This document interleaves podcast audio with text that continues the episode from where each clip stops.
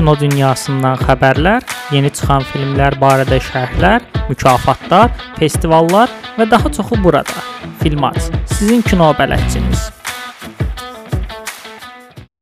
Salam əziz dinləyicilər, Filmaça xoş gəlmisiniz. Mən Hacı Səfərov yenə sizin qarşınızdayam və yenə e, mikrofonun digər tərəfində e, Ceylan Əmrəliyeva var. Ceylan, səni xoş gördük. Necəsən? Xoş gördük Hacı. Normal, sən necəsən? E, mən də pis deyiləm. Yavaş-yavaş işlər, güclər biraz çoxalıb bu aralar, yazın gəlməklə filan. Sən nə edirsən? İşin gücün, özünü necə hiss eləyirsən? Özümü çox yaxşı hiss edirəm, çünki son vaxtlar ə, əməlli başlı kinolara baxa bilirəm. Yəni bir ara bir neçə ay durğunluq yaranmışdı, amma indi yaxşıdır. Ə, əla. Özü yaxşı hiss eləyirsənsə, onda elə yaxşı filmlərdən danışacağımız maraqlı bir buraxılış ol olacağını ümid edirəm və başlayırıq. Birinci istəyirsənsə BAFTA mükafatlarından danışaq. BAFTA öz qaliblərini tapdı və BAFTA-da qaliblər elan olundu ki, kimlər qalib gəldi, hansı filmlər qalib gəldi. E, istəyirsənsə birinci biraz bunlardan başlayaq. Yəni gözlənilən kimi ən yaxşı film nominasiyasında e, qalib gələn film şey oldu, Nomadland filmi oldu. Digər nominasiyalarda da məncə çox da sürpriz olmadı. Sən necə dəyərləndirirsən bu qalib gələn filmləri, bu vəziyyəti? E, dediyin kimi, yəni gözlənilən idi. Mənə gəlir ki, onsuz da hər il ə, Oscardan qabaq hansı ki BAFTA-da, Golden Globes-dur, bunlarda onsuz da bizim gözlədiyimiz filmlər, yəni Oscarda qalib gələcəyini düşündüyümüz filmlər daha önə çıxır. Burada da elə olub onsuz da. Yəni baxırsan ə, qalib gələn filmlərə nominasiyaların çoxusu onsuz da Oscara da namizəd olub. Hətta qalib gələcəyini düşündüyümüz filmlər belə ə, yəni gözlənilən filmlərdir. Mən razıyam bundan. Ə, Qalanlar e, demək olar ki, bütün kateqoriyalarda hansı ki Oskara namizəd olanlar var aralarında, onların e, önə, onlar önə çıxıbdı. Bu da məncə elə gözlənilən idi hər il olduğu kimi. E, məncə burada səni sevindirən əsas mükafat yəqin ki Anthony Hopkinsin The Father filmi ilə ən yaxşı aktyor mükafatı almağıdır. E, yanılıram yoxsa bu gümanımda bilirəm ki sən Anthony Hopkinsi çox sevirsən. Bunu daha əvvəl də biz danışmışdıq. Bu mükafata reaksiyon necə oldu? Ə, bundan həcə daha çox sevindiyim varsa, ə, deməli Outstanding, Outstanding British Film kateqoriyası var. Orada Promising Young Woman qalib gəlib. Düzdür, Oscar o qədər də iddialı film deyil bəlkə də, amma həm ə, Anthony Hopkins, həm də bu filmin bu kateqoriyada qalib gəlməyi həqiqətən çox sevindirdi. Anthony Hopkins onsuz da dediyim kimi mənim ən sevdiyim aktyorlardan biri idi. Çox baba aktyordur onun qalib gəlməyini həm gözləyirdim, həm də normal olduğu kimi, yəni çox sevindim. Düzdür. Elə düz deyirsən. Promising Young Woman sənin əvvəldən də sevdiyin e, filmdir. Məncə burada e, documentary nominasiyası biraz maraqlı oldu. My Octopus deyəcəm, mənim Octopus müəllimim, yəni Octopus bizdə dəniz ulduzu. E, mənim dəniz ulduzu müəllimim kimi tərcümə eləmək olar. Mən o filmi izlədim. E, maraqlı bir filmdir. Yəni e, e, iş olaraq da, yəni bu dəniz ulduzlarını öyrənmək, onların davranışlarını şey eləmək və o təbiətin necə yenidən özünü yenilədiyi barədədir. Netflix-də var. İzlə, izləmək istəyənlər izləyə bilərlər. Burada e, debüt filmi var ki, British Writer e, tərəfindən, yəni şeydə bir Britaniyalı bir gəncin və ya Britaniyalı bir insanın debütü, yəni nominasiya budur e, tam oxuyum şeyi nominasiya. Outstanding debut by a British writer, director or producer. Burada writer, director Remy Weeks, His House. Mən bu filmi izləmişdim. Netflix-də də var idi bu film. Bu film də bir qorxu janrındaydı.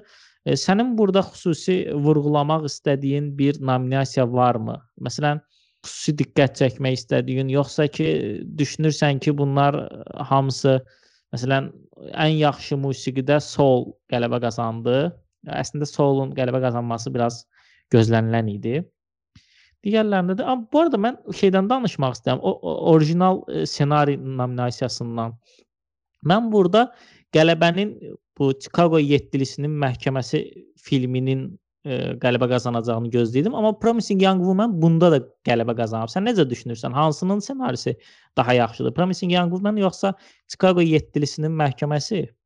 Sırf ssenari baxımından məncə ə, əslində ikisi də xoşuma gəlmişdi, amma yəni sırf ssenari baxımından hə, okey. Aaron Sorkin onsuz da mənim çox sevdiyim ssenaristlərdən biridir. Ona görə düşünürəm ki, onun ssenarisi yəqin ki, ə, Promising Young Woman-dan daha yaxşı idi, amma onunki də o qədər də pis, ya pis deyil, yox da əksinə çox yaxşı idi. İkisini də bəyənmişdim, amma ümumilikdə sırf filmdən danışırıqsa, mənim könlüm Promising Young Woman-la yanadır. Çünki ə, həm orada sırf aktyorluqdan, nə bilim aktyorluqdan tutmuş ssenariyə qədər, dialoqlara qədər hər şey mükəmməl idi də. Yəni dediyim keçən dəfə məsələn Trial of the Chicago 7-dən danışanda orada ssenarinin içində olan dialoqlardan biraz narazı qaldığımı demişdim.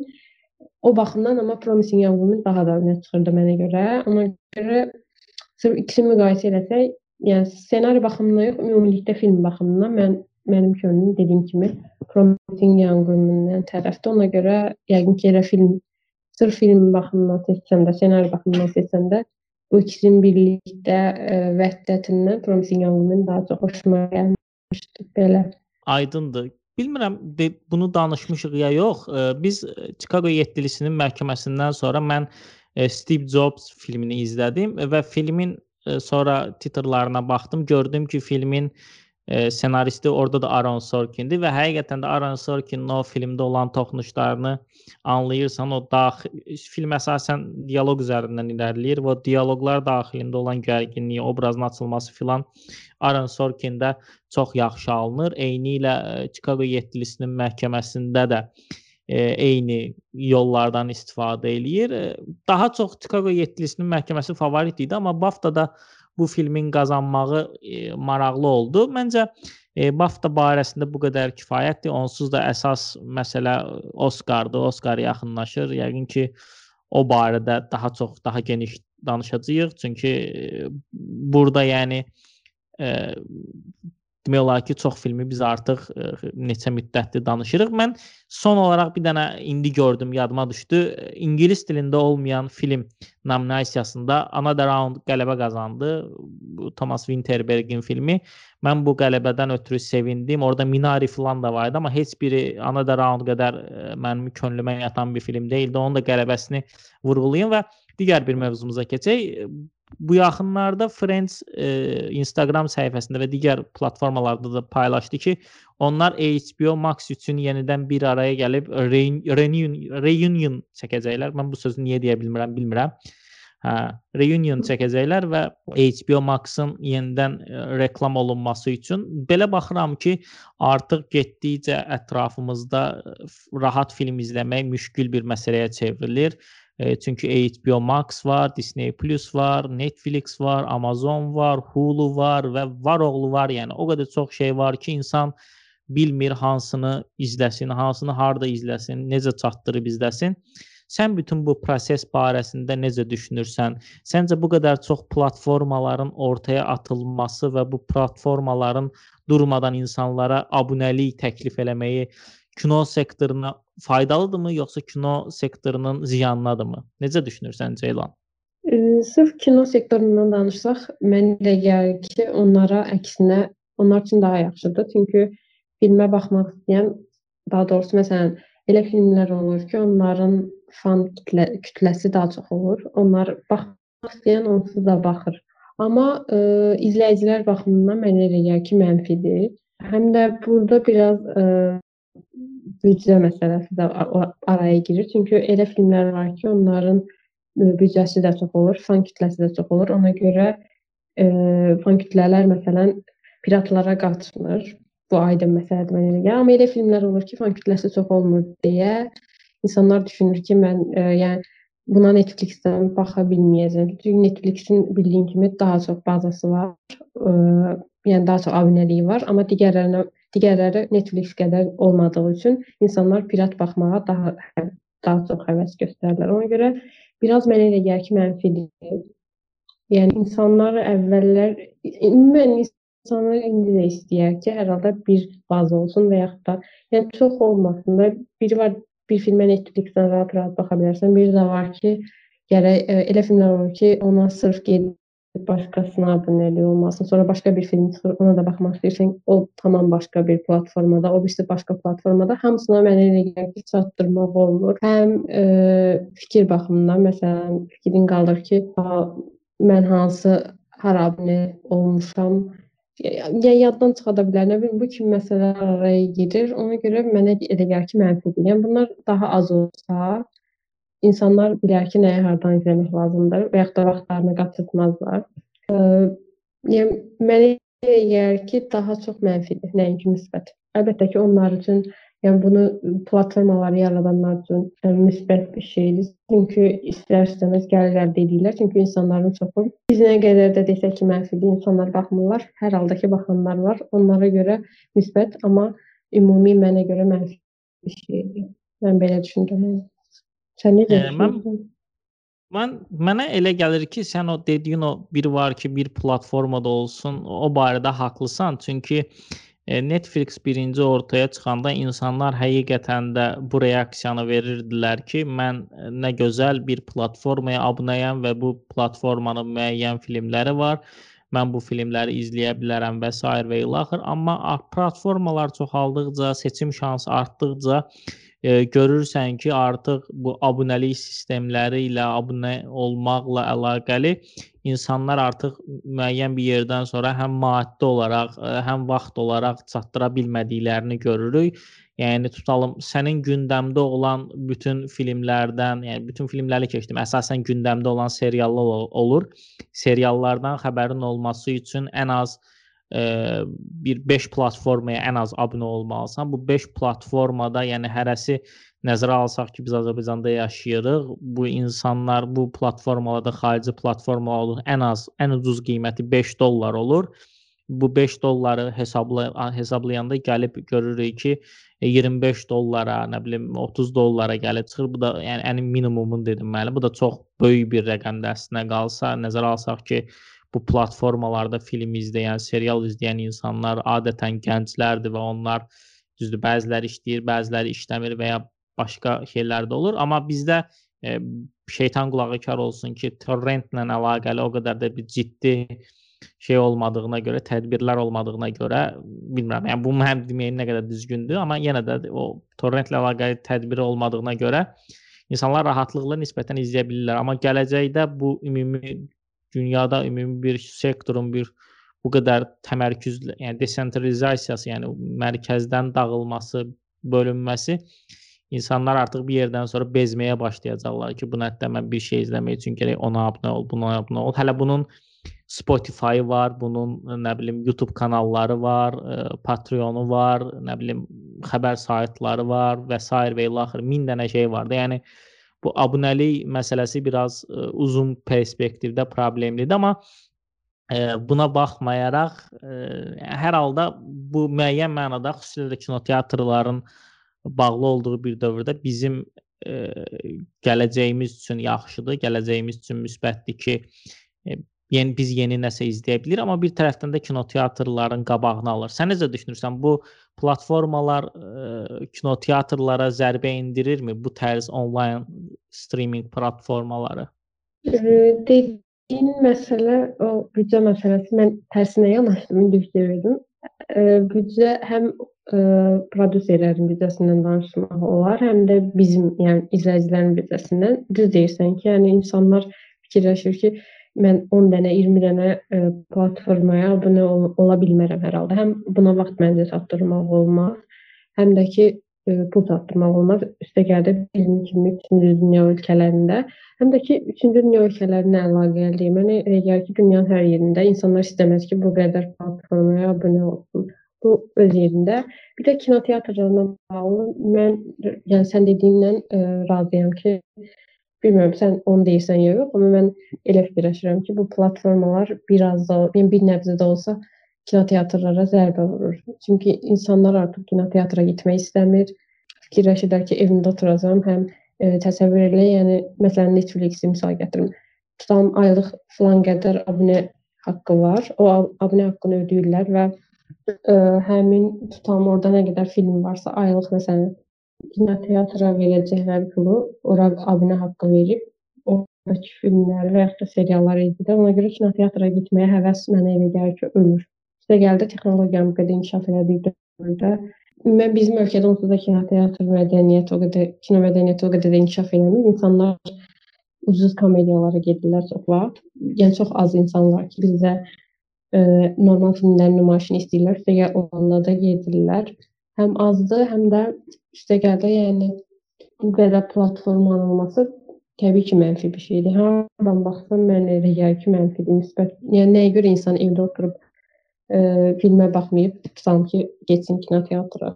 Yəni ağlıma gələn ilk şey budur ki, hər halda hardan baxsan, yəni mənfi bir şeydir. Yəni müsbət bir şeyini görə bilmirəm mən kinoteatrlarla bağlı danışırıqsa. Yəni sən hansı tərəfdən baxırsan, necə düşünürsən? Ə, əslində həqiqətən də kinoteatrlar bütün dünyada artıq bəzi böyük kinoteatrların bağlandığını, bəzilərinin bağlanmaq təhlükəsi ilə üz-üzə qaldığını, ümumiyyətlə kino sənətinin bu kinoteatrda kollektiv şəkildə izlənilən bir ritualdan uzaqlaşmağa doğru getdiyini görürük və bu proses həqiqətən də kinonun ə, yəni gələcəyini biraz təhlükə altına atır, amma e, yəni bunu da nəzərə almaq lazımdır ki, insanlar birinci e, çıxanda deyirdilər ki, nə gözəl, nə yaxşı, artıq mən e, hər dəfə kinoteatra getməli olmayacağam, amma məsələ elə gəldi ki, elə gətirdi ki, artıq bu da təhlükədir, amma mən kinonun ə, kollektiv izlənilməsindən yana olduğum üçün düşünürəm ki, insanlar bunun bir ritual olduğunu, bir zövq məsələsi olduğunu Yəni istər-istəməz də anlayırlar və yenə də kino necəsə yaşamağa davam eləyəcək. Bu e, biraz necə deyim, çox tərəfli bir müzakirə mövzusudur. Hər yana istiqamətlənib, yəni müzakirə eləmək olar, amma məncə bizim bu qədər dediklərimiz kifayətdir. E, bu mövzunu bitirib öz ənənəvi filmlərimizə keçək. Bizi ilk dəfə dinləyənlər üçün deyək ki, biz ənənəvi olaraq hər buraxılışda 2 dənə filmdən danışırıq. 2 dənə mən filmdən, 2 dənə də Ceylan filmdən danışır və total 4 filmdən danışmış oluruq. E, buyur Ceylan, söz səndədir. E, deməli mən ilk danışmaq istədiyim film e, bu ilin ən yaxşı, yox, ən yaxşı aktrisa e, kateqoriyasında namizəd olduğu bir film var. Pieces of a Woman filmi 2020-ci ilin filmidir və Düzdür, ən yaxşı film kateqoriyasında Oskar namizəd olmayıb, amma bundan da danışacağam və fikirlərimi deyəcəm. Filmin e, ümumi mövzusunu deyim. Deməli, film e, çox sadə bir mövzusu var. Sadə deməyim, yəni e, ciddi bir mövzudur, amma ki sadə deyəndə çox sadə gedir. E, bir deməli e, cütlük olur. Həmin cütlüyün ə, uşaqlarını itirməsindən, yəni yeni doğuş eləyən bir ana olur, doğum eləyən bir ana olur və həmin ə, doğum əsnasında uşağını itirir və bundan sonra yəni əsas hekayə burdan sonra başlayır. Bu cütlüyün və onların ailələri ilə olan arasında olan münasibətlər inkişaf eləyir. Necə nə, nələr baş verir aralarında ümumi mövzu budur. Dediyim kimi çox sadə mövzusu var və maraqlı olan odur ki, filmin ilk 30 dəqiqəsində ə, e, doğum səhnəsi baş verir və həmin doğum səhnəsi, yəni mənə elə gəlir ki, Vanessa Kirby-nin nəyə görə Oskara namizəd olduğunu açıq-aşkar həmin səhnədə bəyan edirlər.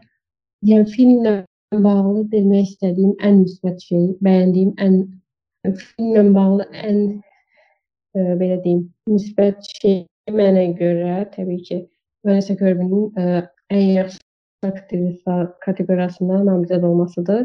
Hətta ə, e, qalib gələcəyini də düşünürdüm filmə baxanda. Təbii ki, ə, e, Frances McDormand olmasaydı, rahat-rahat mənə elə gəlir ki, bu kateqoriyada qalib gələ bilərdi. Ə, e, ümumi filmi o qədər də çox bəyənmədim.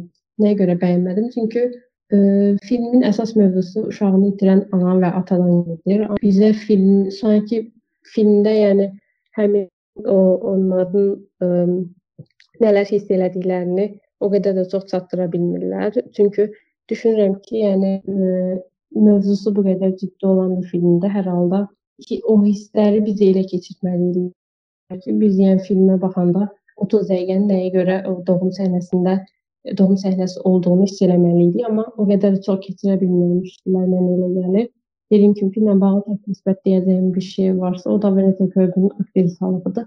Digər şeylər ssenaridən tutmuş, digər ə, ola bilər ki, məsələn, bir, bir neçə aktyor və aktrisa ə, çox yaxşı performans sərgiləmişdi, amma ondan başqa ə, nisbət bir şey o qədər də çox yox idi. Xırda detallar var idi, hansı ki, onları bəyəndim, amma ümumilikdə həm filmin ssenarisini, həm gedişatını, həm ritmini o qədər də bəyəndiyimi deyə bilməyəcəm. Mənə elə gəlir ki, Oskara ən yaxşı filmə namizəd olmamasının səbəbi də səbəblərdən biridir. Yəni belə filmlər bağlı çox deyəcəyim bir şey yoxdur. Sən izləmisən Nazım? Ə, mən bu filmi izləmədim. Bunun əsas səbəbi odur ki, bu film əslində mənim izləmə siyahımda var idi. Deməli, Venesiya Film Festivalının əsas yarışmasına qəbul olunmuşdu. Bu Macar rejissorun mən daha əvvəl bir filmini izləmişəm. Bəyaz Tanrı deyə gedir adı. 2014-cü ildə çəkilən filmdir. Daniel Mondrusco'nun filmi. E, bu filmi də o çəkib. Bu film haqqında ümumi rəylər sən dediyin kimi idi. Yəni ümumi bir bəyənilmədiyini düşünürdü insanlar və belə baxdım ki, buna baxmaqdansa daha e, prioritet olan filmlər var, onları izləyim. Mənim film barəsində sənə sadəcə bir sualım var ki, e, sən dedin o filmin ilk 25-30 dəqiqəsi doğuş səhnəsidir, onu çəkiblər. E, orada rejissor deyəsən e, belə fasiləsiz çəkməyə çalışıb və orada bir növ belə şou göstərməyə çalışıb. İnsanlar da biraz buna əsəbləşib. Yəni bu nədir də? Yəni okey də bildiysən bunu da bacarırsan, bunu da eləyə bilərsən. Nə bilim kamera ora gedir, bura gəlir, bura gedir, ora gəlir. Elə bir təəssürat yarandımı səndə filmin o ilk şeyində 20-25 dəqiqəlik hissəsində? Düzdür. Yarandı. Nəyə görə? Çünki e, okey, yəni başa düşmək olar ki, filmin ümumi mövzusu, əsas mövzusu uşağını itirmiş iki valideyndən bəhs edir. Hətta səhnə çox da təsirli idi, onu deyim. Amma o qədər uzatmamaq olardı. Yəni təsəvvür elə ki, film başlayır. Filmin açılışından ə, hamilə olan bir qadın olur. Onun doğum sancıları, sonra nə bilim həyat yoldaşı ilə aralarında olan söhbətlər, sonra ə, gəlir o bilmirəm ona nə deyirlər. Bizdə midwife deyə bir şey olur. Gəlir, yəni evdə doğum eləmək üçün. Ə, mamaça. Belə olur. Axırda necə? Azərbaycan dilində mamaça gedir o söz. Mən bilən mamasadır, səhv xatırlamıram. Hə, deyəsən mən də səni yadıma gəlir. Elə bir söz var idi. Hə. Yəni mamaça dedikləri bir qadın var, o gəlir. E, orada elə nəsə ondan asılı olmayan bir şey olur və uşaq ölü də olur. Okay, burası çox təsirli səhnə idi. Hətta oturub ağlamaq belə olardı, amma mənə elə gəlir ki, o qədər ondan əvvəlki şeyləri göstərməsələr də olardı. Yəni çox dəxilsiz səhnələr var idi, uzadılmış səhnələr var idi e, yersiz dialoqlar var idi. Bilmirəm, bəlkə də doğum e, yəni bir insan doğum eləyəndə bəlkə də o proseslərdən keçir, onu deyə bilmərəm mən, amma nə bilim, yəni film olaraq baxırsan ki, filmin ilk birinci aktı olur. O həmin aktda elə bir bir şey olmalıdır ki, sonrakı aktlara, yəni sonrakı hissələrə bir şey qalsın. Demək olar ki, filmin ilk ə, e, aktında, yəni ilk hissəsində deyim, birinci hissəsində əsas məsələ olur, bitir. Ondan o qədər çox bir şey qalmır.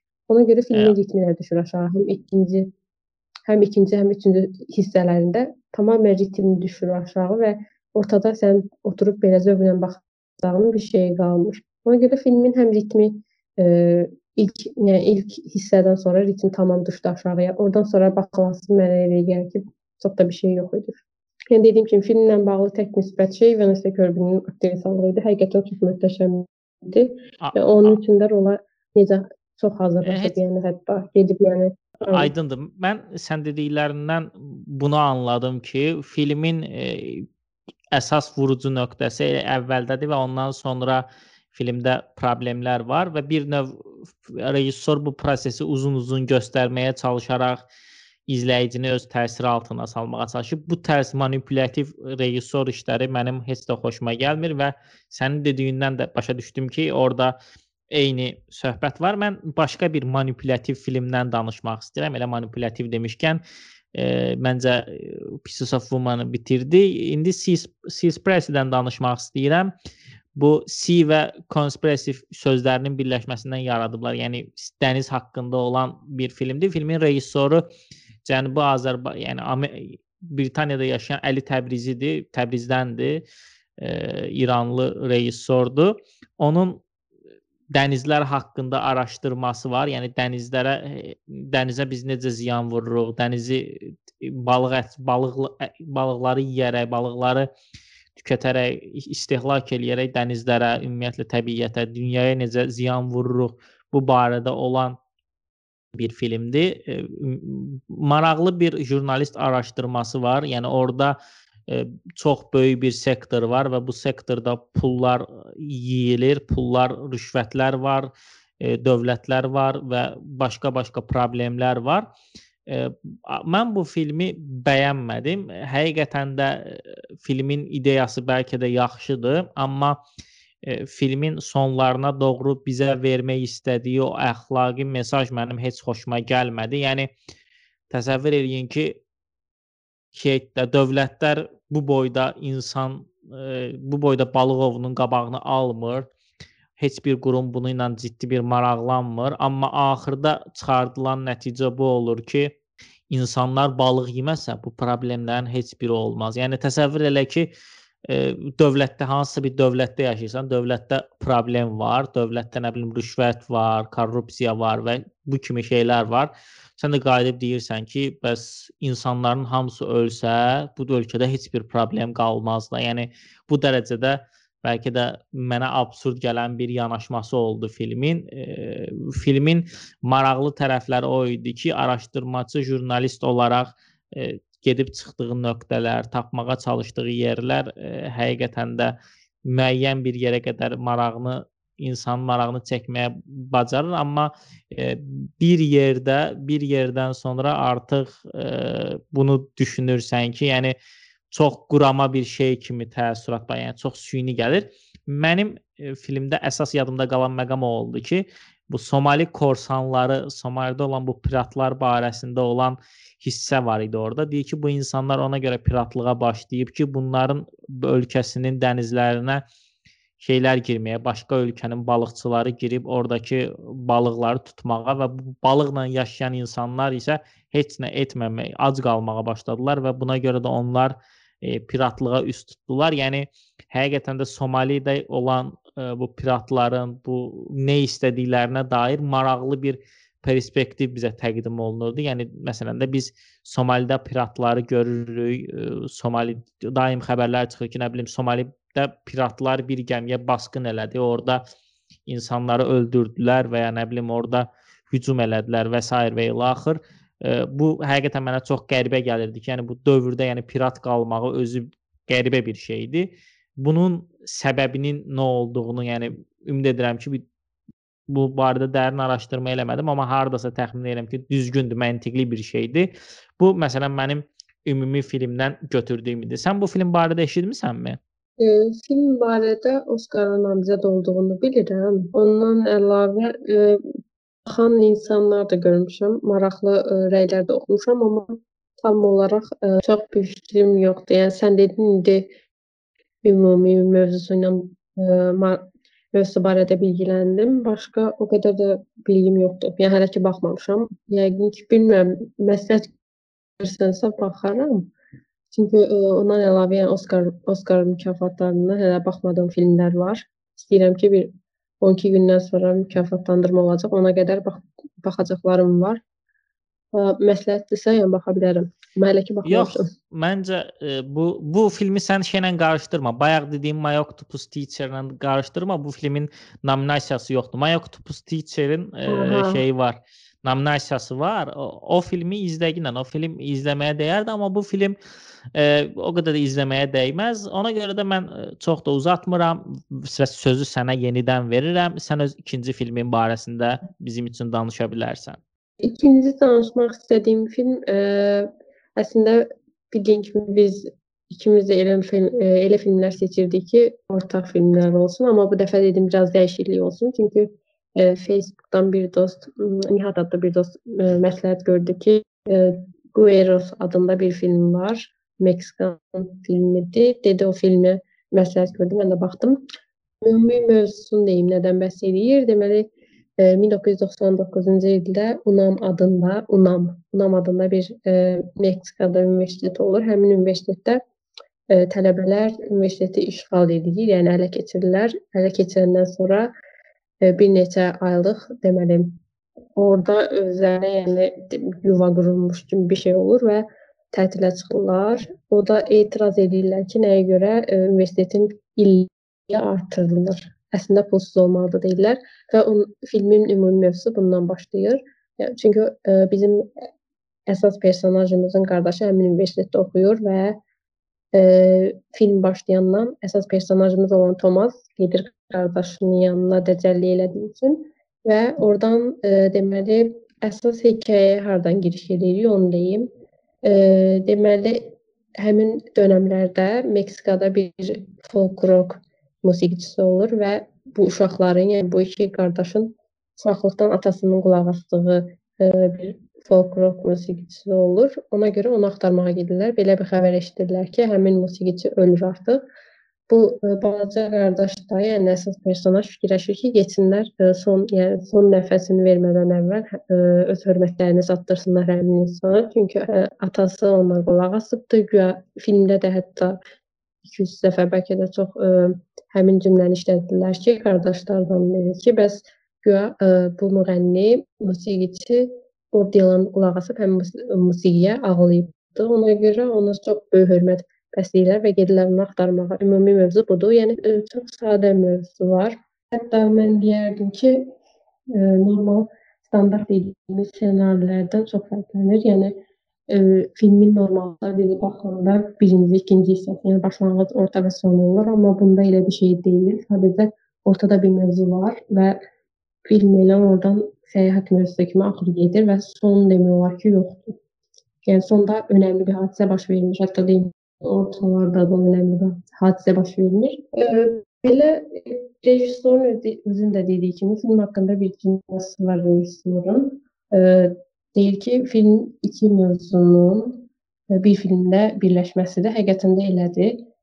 Kənardan bir mövzu var. Yəni e, 1999-cu ildə Meksikada bu universitetdə baş verən hadisələrdir və bunun fonunda iki qardaş olur və bir dost Onlar gedirlər ə, bu folklor musiqisini axtarmağa. Yəni çox sadə mövzusu var.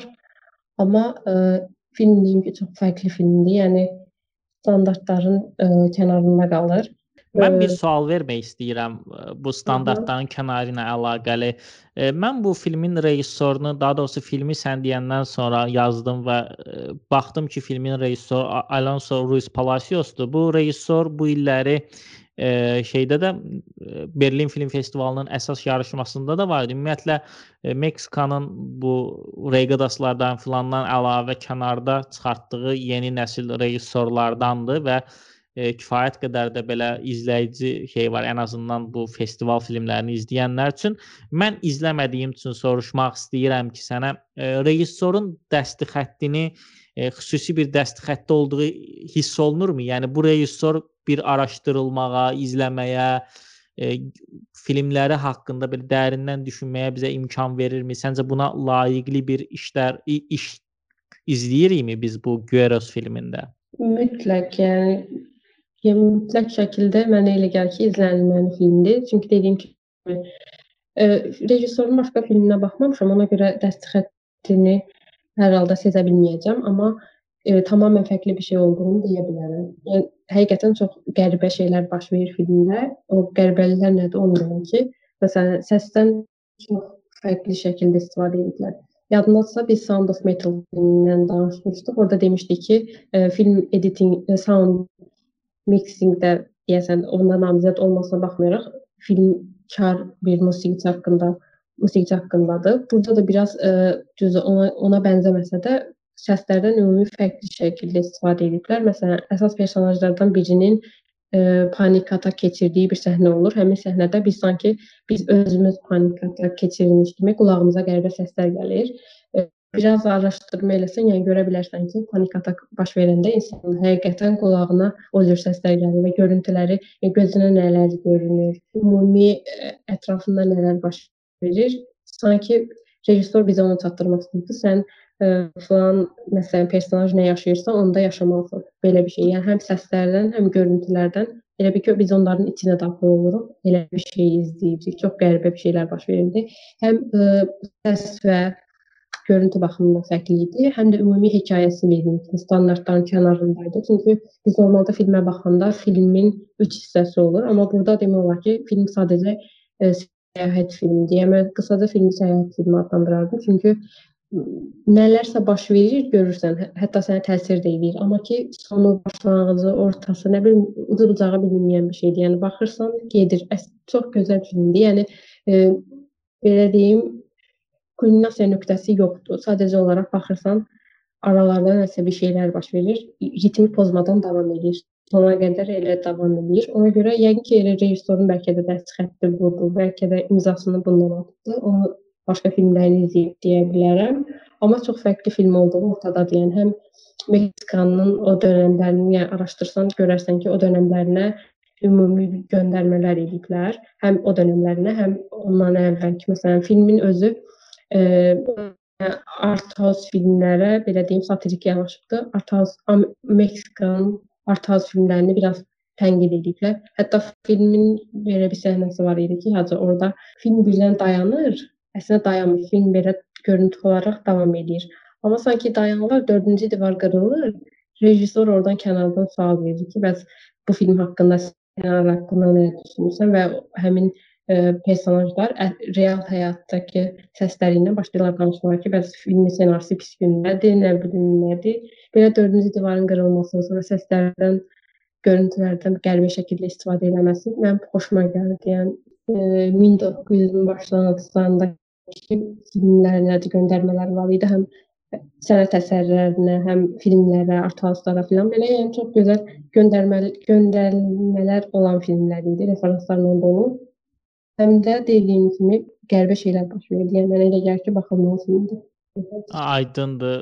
Belə dolğun cavaba görə sənə təşəkkür edirəm. Onda deməli bizim burdan çıxartdığımız nəticə bu oldu ki, Alonso Ruiz Palaciosu E, yaxından izləmək lazımdır. Onsuz da bu rejissor haqqında biraz araşdırma eləyəndə görürük ki, rejissor daha çox postmodern e, tərzə yaxın filmlər çəkir, belə janrları qarışdırır və sən dediyin kimi 4-cü divar və başqa-başqa məsələlər var e, və sair və ilaxır. Məncə onu yaxından izləmək olar. Mən e, başqa bir filmə, başqa özümün ikinci filminə keçmək istəyirəm. Əslində biraz filmdən daha çox rejissordur həm də aktyor kimi bizim tanıdığımız belə məşhur e, türk aktyor, rejissor, nə bilim stand-upçı nə deyirsinizsə, e, Cem Yılmazın mən bu yaxınlarda pek yaxında filmini izlədim. E, sonra girib Wikipedia səhifəsinə baxdım ki, e, məlum oldu ki, mən onun bütün e, filmoqrafiyasını izləmişəmmiş.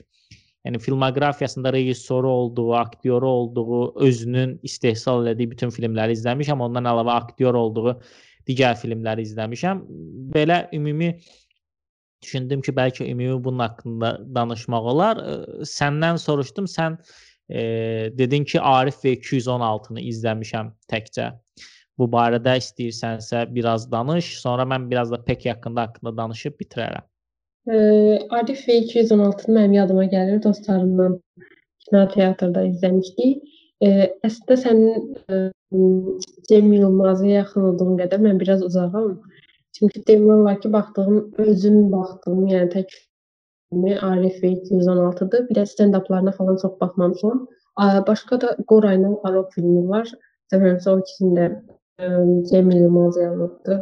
İndiyəcəm səhv demirəm. Ə, qalan başqa filmlərinə çox baxmamışam. Çox yox, ümumən baxmamışam və Qora və Aroku televiziyada referans izləmişdim, amma belə oturub özümün tək başına baxmamışam. Arif 216 filmi e, 4 il bundan qabaq baxmışam. O qədər də çox şey yadımda deyil, amma yadımda qalanlardan e, nə hiss etdiyimi deyə bilərəm ki, e, bol-bol komediya idi. Yəni həqiqətən gül insanı güldürən anları var idi.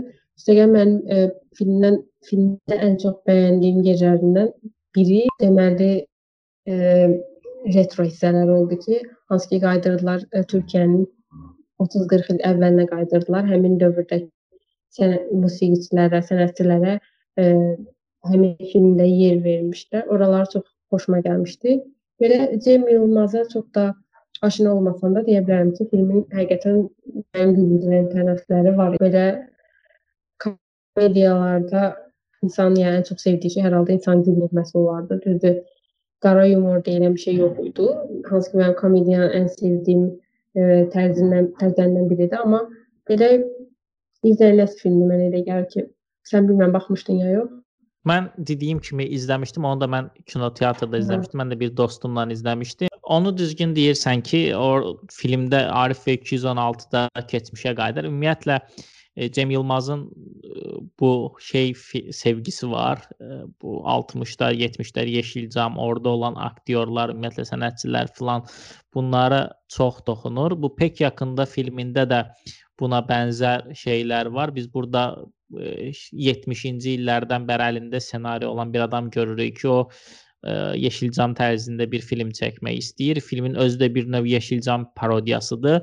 E, filmin hətta başlanğıcı Eşqiya filmi ilə başlayır. Yəni belə deyim, Türk kinosunun əsasını təşkil edən Türk populyar kinolarının əsaslarından olan bir çox filmə toxunur.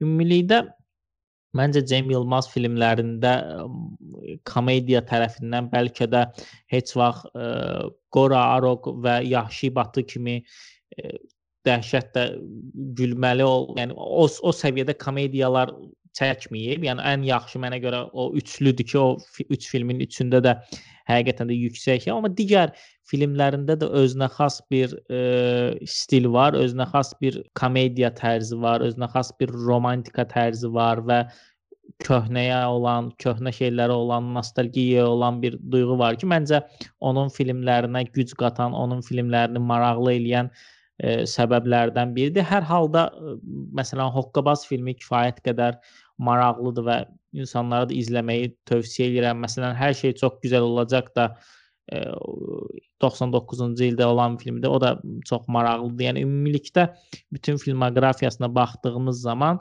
e, görürük ki, e, həqiqətən də məncə müəyyən mənada Azərbaycan Azərbaycana da yaxın olduğu üçün, belə ortaq şeylərimiz də çox olduğu üçün izləməyə, e, haqqında düşünməyə dəyər. Bu arada bir xəbər də verim və istəyirsənsə bu ilə yekunlaşdıraq. Bu yaxınlarda şey gördüm ki, bu Erşan Kuneri obrazı var. Arif və 216-da da var idi Erşan Kuneri. Onun olduğu bir Netflix serialı çəkilir deyəsən. Ona yazmağa, çəkməyə başlayıblar. Erşan Kuner də orada e, həlləm qəlləm işlərlə məşğul olan bir troll obrazı idi. Onu inkişaf elətdirib belə bir şey eləyiblər. Mənim deyəcəklərim bu günlük bu qədər. Buyur Ceylan, son söz səndədir. Sual verəndə əslində bayaq dediyin ki, baxmışam filmlərə. Sual birdən ağlıma gəldi ki, sən baxmısan ya yox. Amma yadımdadır dedin ki, bütün filmlərdə demək olar ki, baxmısan. Belə Cem Yılmaz haqqında ya mənim deyə, səndən çox deyəcəyim bir şey hər halda. Çünki sən demək olar ki, bütün filmoqrafiyasına bələdsən. Başqa bayaq Friends-in reunionundan danışdıq. Onu sizə deyim ki, ə, əslində tam olaraq reunion sayılmır, sayılır, amma belə deyim ki, sırf special epizod olacaq. Yəni ki, mən ə, oxuduğum xəbərlərdən belə nəticəyə gəldim ki, həmin deməyə personajlar öz personajları kimi qayıtmayacaqlar. Sadəcə real həyatda intervyu kimi bir şeylər olacaq. Yəni tam olaraq məncə Friends ə, fanatları gözləməsinlər ki, serialın hər hansı bir bölümü olacaq. Yəni o həmin personajlar olmayacaq. Sadəcə mənim ə, oxuduqlarıma görə belə başa düşdüm ki, sadəcə oturub nəsə söhbət edəcəklər ya da serialın əvvəlki bölümlərindən intervyu olacaq, belə bir şey olacaq. Yəni Friends haqqında deyəcəklərim budur. Başqa ə, deyəcəyim məncə çox bir şey yoxdur. Sən əlavən varmı? Yox, yoxdur. Gözəl söhbətə görə minnətdaram. Bu Friends Reunion söhbətini də aydınlaşdırdığına görə də əlavə sənə minnətdaram. E, deyəcəklərimiz bu qədər idi. Bizi dinləyənlərə, bizi sona qədər dinləyən, bizim fikirlərimizə əhəmiyyət verən hər kəsə təşəkkür eləyirik. E, sağ olun, özünüzə yaxşı baxın. Hələlik. Görüşənədək. Görüşənədək.